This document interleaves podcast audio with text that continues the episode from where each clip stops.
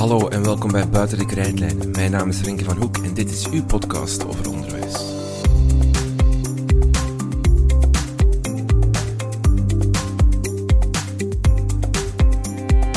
De komende maanden gaan we af en toe op wereldreis. We maken een podcastreeks over onderwijs in de wereld. Want er is volgens ons nog heel veel dat we kunnen leren van andere landen op gebied van onderwijs. We doen dit samen met het VVOB. Het VVOB, Education for Development, is een institutionele ontwikkelingsorganisatie die al 40 jaar werkt aan de duurzame verbetering van de kwaliteit van onderwijs wereldwijd. Ze proberen te bouwen aan een rechtvaardige wereld waarin overheden in staat zijn om het fundamentele recht op kwaliteitsvol onderwijs te garanderen en te realiseren. Het VVOB werkt onder meer in België en in acht landen in Afrika, Zuid-Amerika en Azië. Dit netwerk is enorm waardevol, ook voor het Vlaamse onderwijsveld. Met Inspired, het VVOB-programma rond gelijke onderwijskansen, brengt het VVOB een internationale dialoog tot stand. Onderwijsactoren laten zich via praktijkvoorbeelden uit Afrika, Azië en Zuid-Amerika inspireren over hoe werken aan gelijke onderwijskansen en omgaan met diversiteit in Vlaanderen anders kan. De komende maanden mag je dus af en toe een kijkje over het muurtje verwachten en gaan we op zoek naar hoe andere landen werken rond gelijke onderwijskansen. We praten vandaag over gender en over genderongelijkheid, over de kloof tussen jongens en meisjes en hoe we daarmee moeten omgaan. We trekken in deze aflevering naar Kenia en Zuid-Afrika.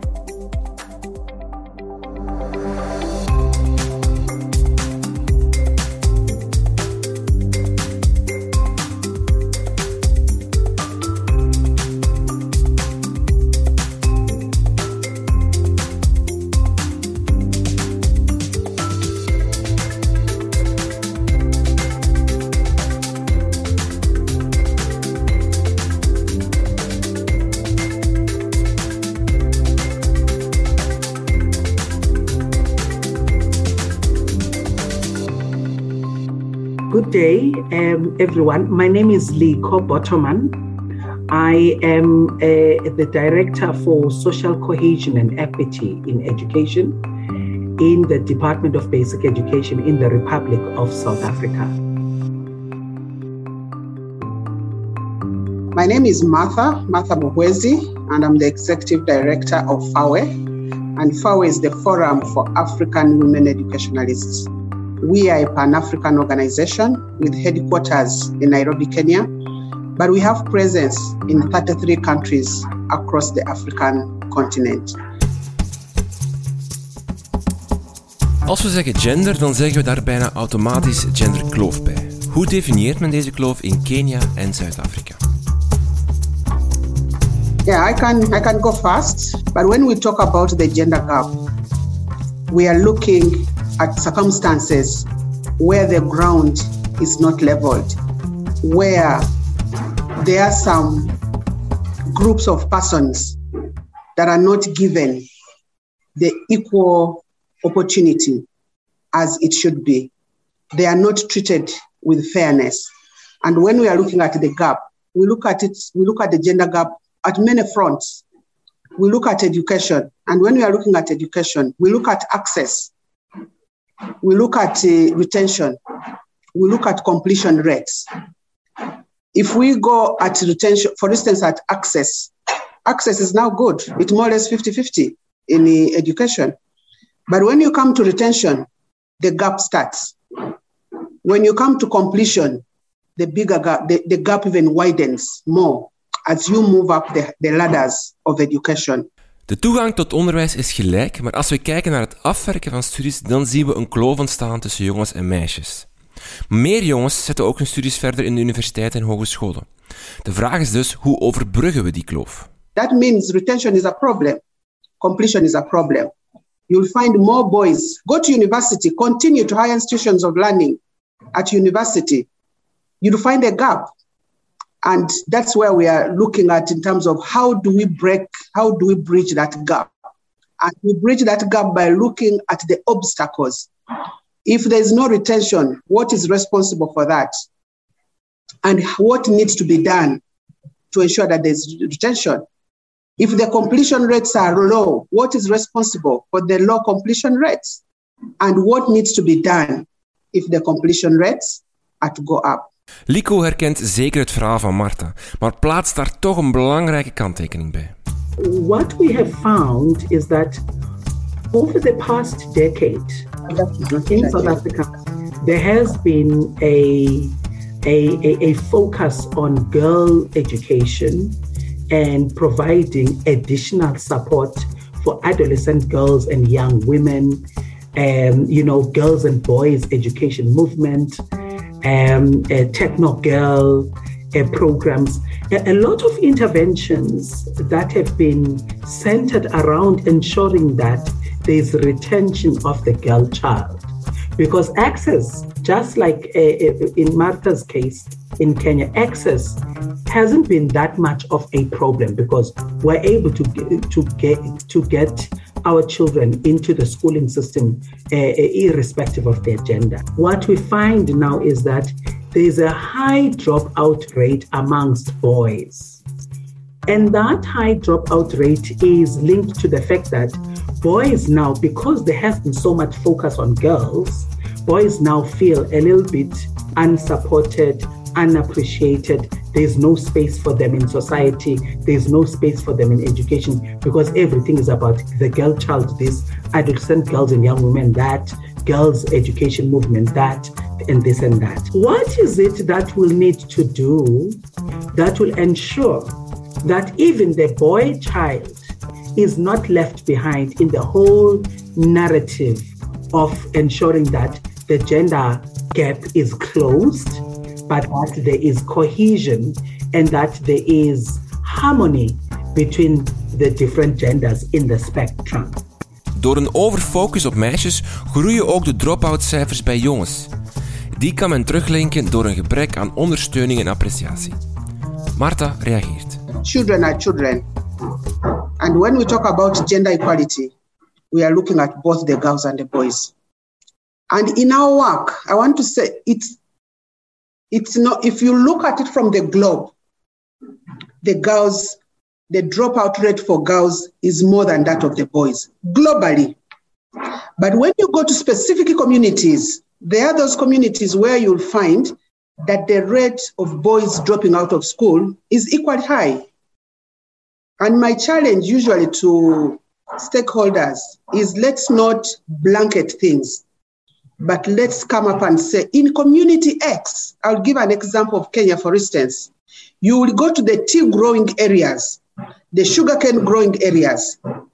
You'll find many, many boys out of school that should be addressed as an issue. There should be strategies targeting that particular challenge. But it's not correct to say the girls are now overtaking. It's true, the boys have challenges, but those challenges are of a peculiar nature and they need to be addressed. And most of the boys drop out because of also economic hardships. Many of them are trying to survive. Many of them are getting into, I'll give example of uh, COVID period.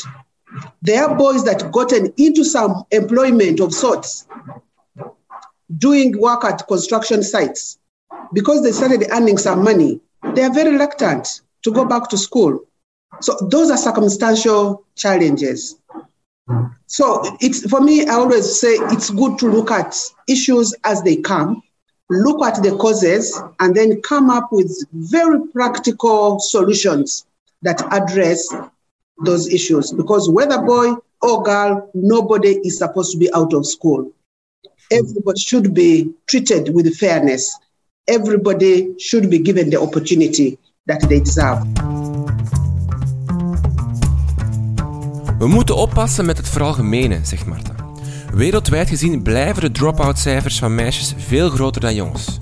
Er zijn zeker problemen met drop-out cijfers voor jongens ook, maar dit zijn vaak regionale of heel specifieke problemen in een bepaalde context en moeten dan ook op dat niveau aangepakt worden. Het belangrijkste misschien nog wat Marta zegt is dat kinderen kinderen zijn. En we kunnen niet over gendergelijkwaardigheid spreken zonder te praten over jongens en meisjes. Hoe komt het nu dat er zoveel meisjes moeilijk in het onderwijs blijven en vroegtijdig afhaken? Welke obstakels houdt hen tegen? There are many factors that contribute to dropping out. They will come from the social cohesion, come at family level. There are many challenges at family level. Many girls become caretakers of family. Like, for instance, if families are sick, a mother is bedridden, a father is bedridden, what happens? Many children will drop out of school, and most of the children will be girls. There are issues of unwanted pregnancies. Many girls, like, just to reflect on the COVID, the COVID 2019, between 2020 and 2022, now when schools are opening, there are many girls. I may not have statistics offhand right now, but the large number of girls. Many of them have not gone back to school, and many of them don't even have the opportunity to go back to school. If you read the UNESCO reports, read the UNICEF reports, the statistics are there, and it is very evident. And many of them, it's because of unwanted pregnancies. Many of them, it's because of forced marriages, early marriages, and all those compound the whole issue. So those that were in school, now because of those issues, they don't have the chance to go back to school. Het is door de zorg voor familie, ongewenste zwangerschap, een gedwongen huwelijk dat meisjes hun onderwijs niet kunnen afmaken. Vaak is het ook de culturele traditie die ervoor zorgt dat meisjes hun school niet kunnen afmaken. Zijn dit problemen die onderwijs zal kunnen oplossen?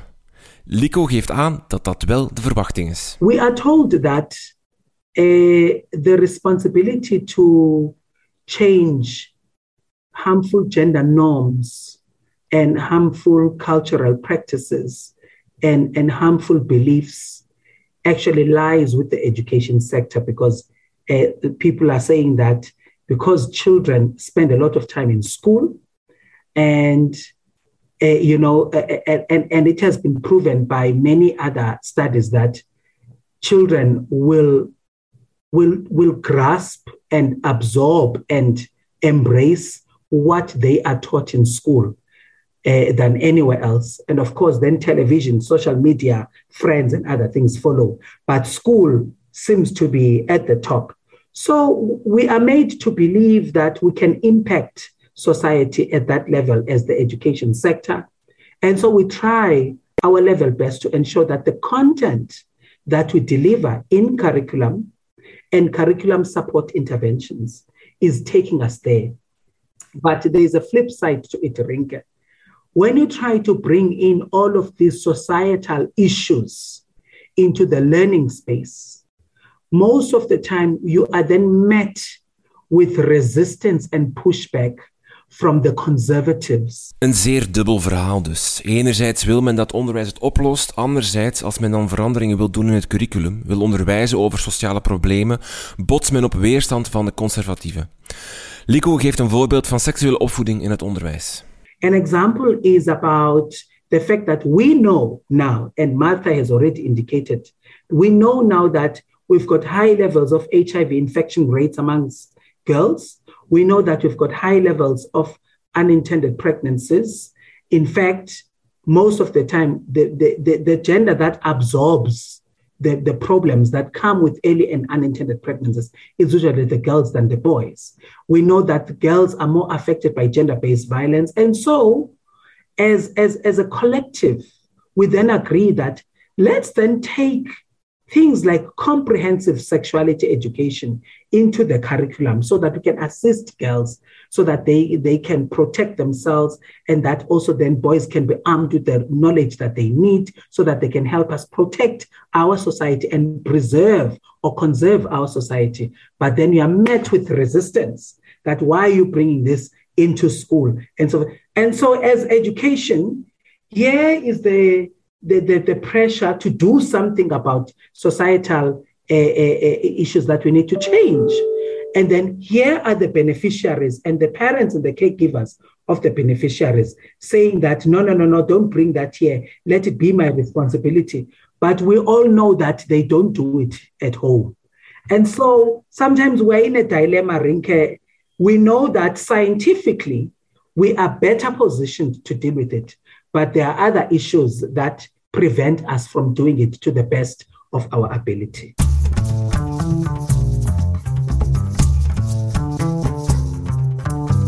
Een andere grote reden waarom veel meisjes uitvallen uit het onderwijs, vertelt Marta, is seksueel geweld in scholen. Sexual harassment in schools, which is done by the school, by the teachers. It's embarrassing to mention this, but it's facts. Many girls have been harassed, and many there are many untold stories because in some of the communities, girls have been told to keep quiet. They don't speak out on some of those challenges. You'll even go home and you try to report to your parents, but they'll tell you, don't talk about the teacher. It is an embarrassment to society. So there are many untold stories, but there's a lot of violence that goes on in school. Veel verzwegen verhalen van seksuele intimidatie door leerkrachten, maar ook taal speelt een rol. Even the language that is used in the school can make the children drop out of school. There is a language which is not friendly to the young people. For instance, if somebody performs, if the performance of a child is not good, the way the teacher treats that child determines whether that child will continue with education or that child will drop out.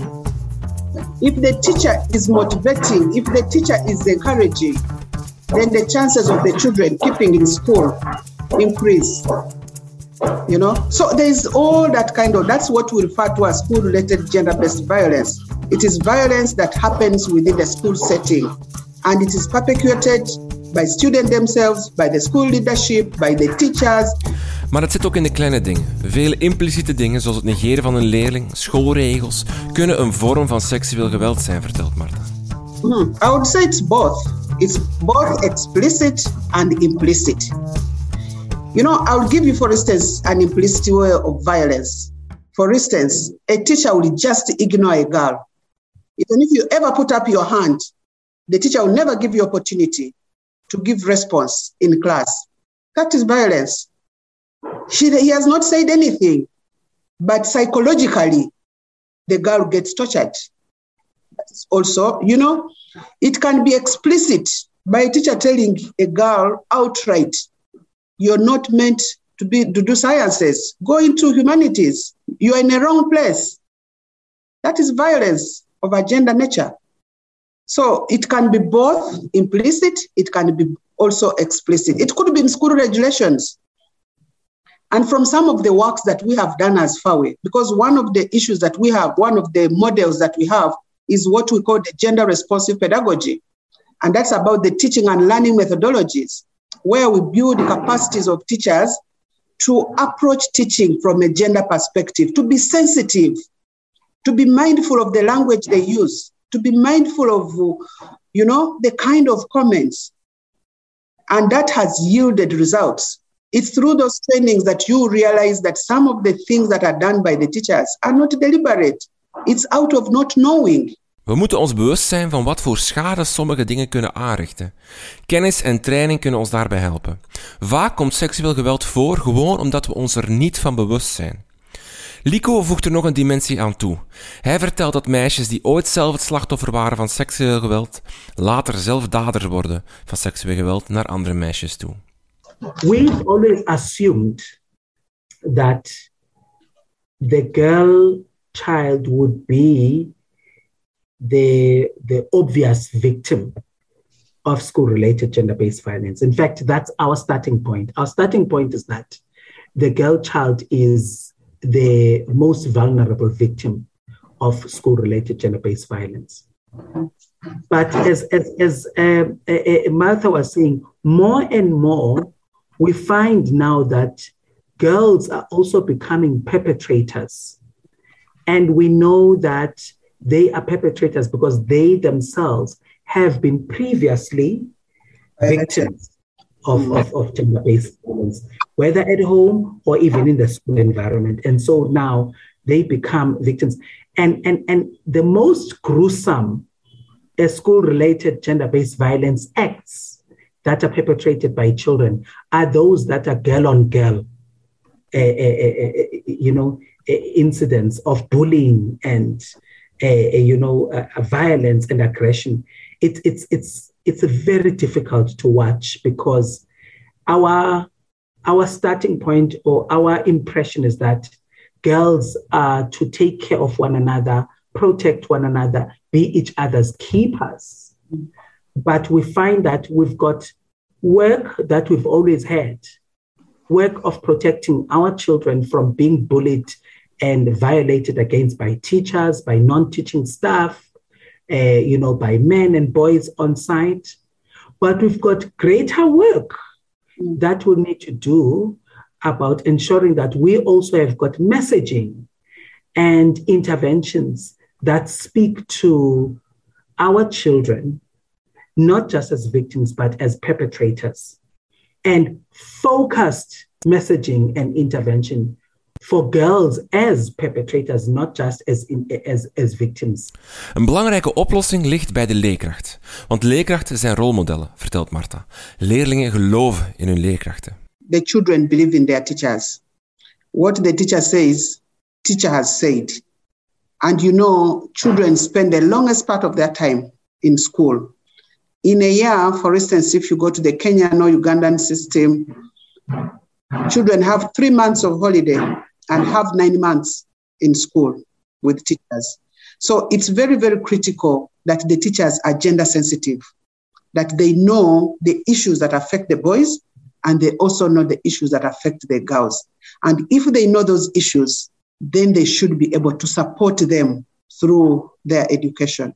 And that can only mm. happen when the capacities of the teachers are also enhanced.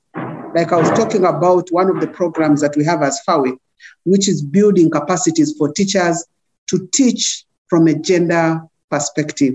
And that's what we call the gender responsive pedagogy. We have a whole toolkit on that, what it makes, uh, I mean, it, it brings it to the attention of the teachers. If a girl is absent from school for four days, what does that tell the teacher? The teacher should be aware. Four days in a month, it means that girl is under, in, under menstruation and she doesn't have anything to use, and that's why she can't come to school. And if she has missed school, if you miss four days a month, how many days are those in a year? And mm. that impacts on the performance of the girl. And the teachers are very critical in supporting those girls to catch up. Because if you miss class for a week, there is a lot to, touch, to catch up with. But you can only be able to catch up if the teachers are sensitive and they know this is what's happening. And we've had some of the schools, for instance, in some of the countries, we have advocated for sanitary pads in schools so that they're able to support the children. And where that has been implemented, the number of the level of absenteeism is very minimal, particular absenteeism because of uh, managing menstrual menstrual periods is very so it's very very critical for the teachers. They need to be gender sensitive but for them to be gender sensitive they need to be supported. We should not expect miracles from nowhere. We have to invest in the teachers as, as well.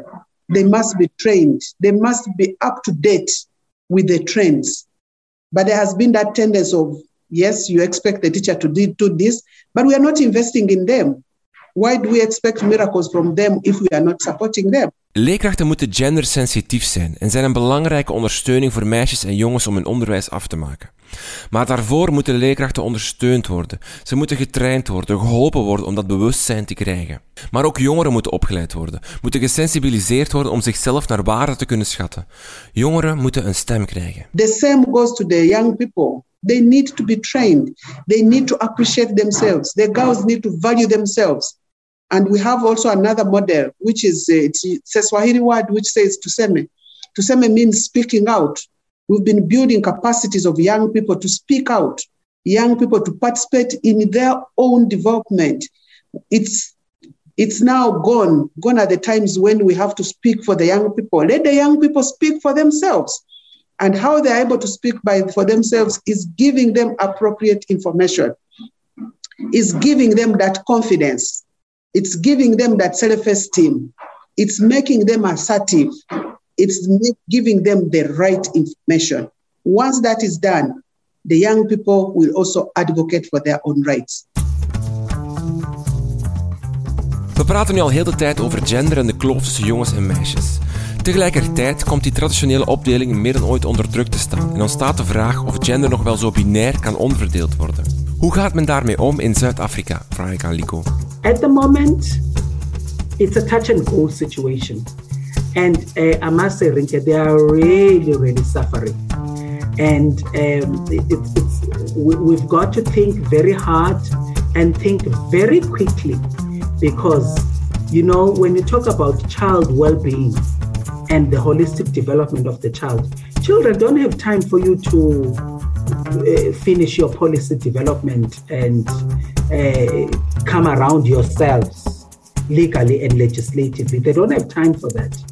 They want it and they want it now and they need it now so that we don't do more harm than, than there already has been done in their lives because of our own judgments and biases about what needs to happen. So it's a journey, it's a very big one. It's, it's a journey that I also don't like to talk publicly about at the moment because I also don't want to kill something that can be a solution to children's lives forever because of premature engagement on it. So we are very careful about how we drive the agenda, and we're going to drive it slowly and uh, uh, surely until we're able to agree to, to reach a point where we say we now agree this is what we need to do. Uh, but at the moment, we are struggling as a sector because we've got a lot of litigations that come from the, the, the courts of the law in this country because our actions as a sector are observed by the courts of the law as being prejudiced, as being discriminating, as being exclusionary towards particular children. And that's something we need to change because that's not what we stand for as the, as the basic education sector, at least in South Africa. We have diversity in knowledge, in uh, ideas, and we complement each other's efforts. The only thing that, I mean, the greatest tool that civil society employs now is working as one voice, creating synergies and creating a, a strong voice to advocate for the groups that we, we serve. What is very apparent now is you can't stand out as an institute, as an, as an organization, and you achieve what you need. You need support of the others. And one thing I keep telling people is I will never apologize for promoting women and girls education. I'll never apologize for that because I know it's an effort worth advocating for. We are talking about inclusiveness, we are talking about equity, we are talking about equality. In the total sum, we are talking about fairness.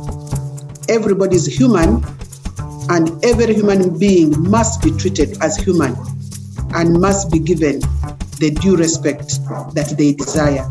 They must be given the opportunity that can make them live as humanly possible as they can. So, in principle, there is cause, there is reason for us to do what we do. And we shall continue to do that until the society appreciates that boys and girls are the same, women and men are the same, and that there should be no discrimination to anybody and of anything.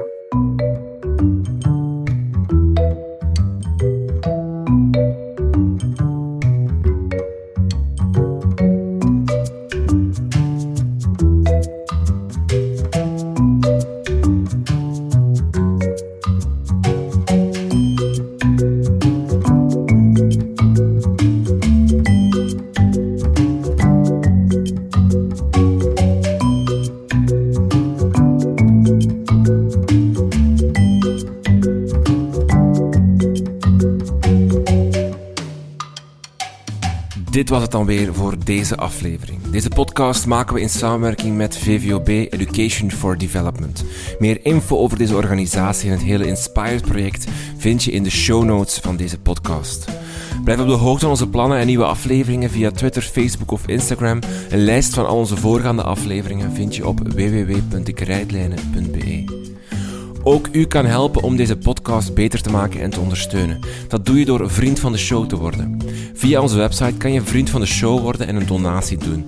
Dat kan een eenmalig donatie zijn of ook op maandelijkse basis, dan doneer je 2,5 euro per maand. Surf dus naar www.dekrijtlijnen.be en haal even die bankkaart boven en steun ons. Dank voor het luisteren en tot de volgende.